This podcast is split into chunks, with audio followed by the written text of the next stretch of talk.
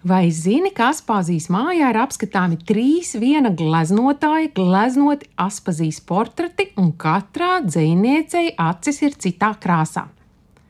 Aspazijas mājā ir apskatāmi trīs mākslinieka Kārļa Siliņa gleznotie dzinieces portreti. Visi tapuši pagājušā gadsimta 20. gadu beigās, visi Aspazijas dubultu mājā deponēti no Rakstniecības un mūzikas muzeja kas bija gleznotājs Kārlis Siliņš un kāpēc viņš tik ļoti bija aizrāvies ar Aspāzijas gleznošanu, jo pavisam ir ziņas par pieciem Siliņa gleznotiem Aspāzijas portretiem. Vēl viens atrodas Raņu un Aspāzijas mājā, Baznīcas ielā Rīgā, bet par vēl vienu esamību liecina talsenieces Vallijas Jankevits atmiņas par viņas viesošanos pie dzēnieces dubultos. Aspazīme man ļāva izvēlēties kādu no saviem mākslinieku gleznotiem portretiem, Utrējos ņemt skaistāko un izraudzījos siliņa gleznoto aspazīru cepuri galvā. Tā savās atmiņās raksta Vallija Jankevica. Viņa uz mājām aizveda darbu, par kuru laikraksta pēdējā brīdī, 1933. gada jūlijā numurā vēstīts: uz flīģeļa eļļas krāsām gleznota Aspazijas portreja. Lielā salmenē viņa tur lūkojas pretīm no senām dienām. Nav zināms, kurš Valijai Jankavicai šķita skaistākais Aspāzijas portrets, bet pēc notāra Kristepa Bamberga sastādītā Aspāzijas mājas inventārī 34. gadā Aspāzijas mājā atradās četri dzīsnieces portreti.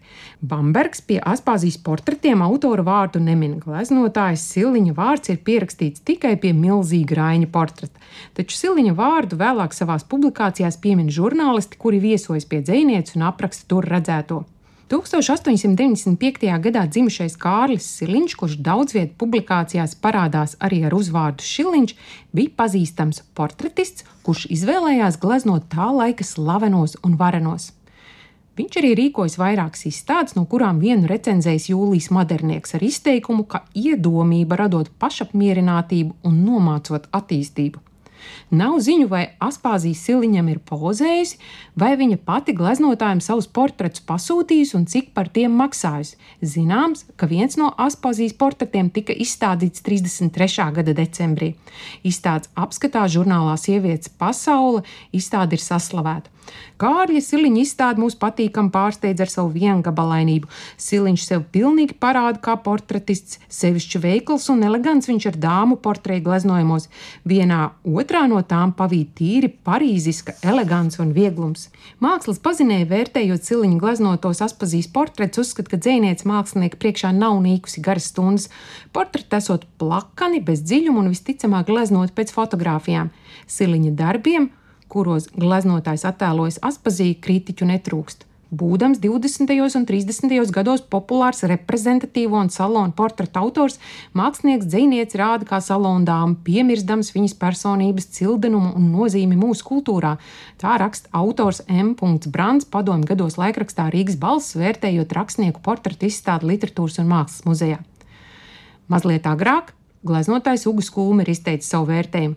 Siliņa zīmējums, sevišķi portretās, stipri vēl klibo. Tas bija arī tik pateicīgu modeļu ģimetnēs kā Raņu un Aspazīs. Šīm sejām tomēr vajadzīgs pieiet ar lielāku nopietnību nekā parastās salonu portretās. Te no gleznotāja jāprasa vai nu bagāts psihologs spējas, vai arī lielāka tehniskā gatavība un par visām lietām sirsnība. Bet siliņu šķiet kārdina vairāk gleznas ārējais spožums, virtuozitāte. Rotaļāties ar to, kad trūkst vēl stingras skolas pamats zem kājām, nozīmē žonglēt virs bezdibeņa. Tie bija ugas skulmas vārdi. Lai vai kā humora izjūta siliņam netrūkt, jo īsā laikā radot vairākus aspāzijas portretus, viņš katrā no tiem dzēnieci apveltīs ar citas krāsas acīm.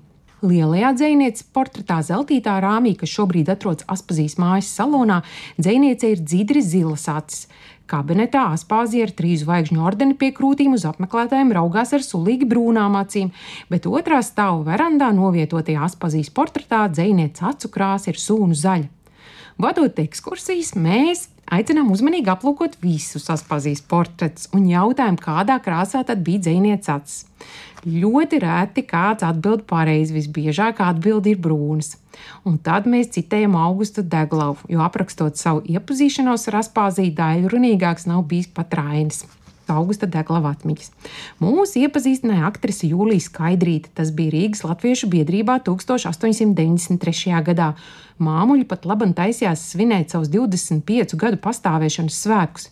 Vienkārša meitenīte, pa pusē lauceniece, zilām, vaļsirdīgām acīm un nevainīgu, bet paļāvīgu seju, bija dzirdējis, ka viņu ko lielu sarakstījusi, kas nesot izrādāms. Tiesa daudzas sievietes uzskata, ka vīriešu teiktiem par acu vai matu krāsu nevarot ticēt, un to netieši apliecina arī Kārļa Siliņa gleznas. Taču Augustam Deglavam var ticēt, jo par aspazīs zilajām acīm savās atmiņās raksta arī dzēnieces draudzene, komponiste Lauma Reinholda, un ir arī pašas aspazīs dzējoļi, kurā viņa piemin savas zilās acis. Rindas no dzējoļa neaizmirstulīte. Izsilajām actiņām asaras plūst, plūst asaras tavas un manas, un vēl no dzējoļa polārā ainava. Kopš projām tu man izbāla acu zilums. Taču atgriežoties pie gleznotāja Siliņa, par gleznu autoru plašu ierakstu mūsdienu mākslas vēstures enciklopēdijās vairs nav. Sākoties Otrajam pasaules karam, Kārlis Siliņš devās bēgļu gaitās un savu atlikušo mūžu līdz 1955. gadam nodzīvoja Amerikas Savienotajās valstīs.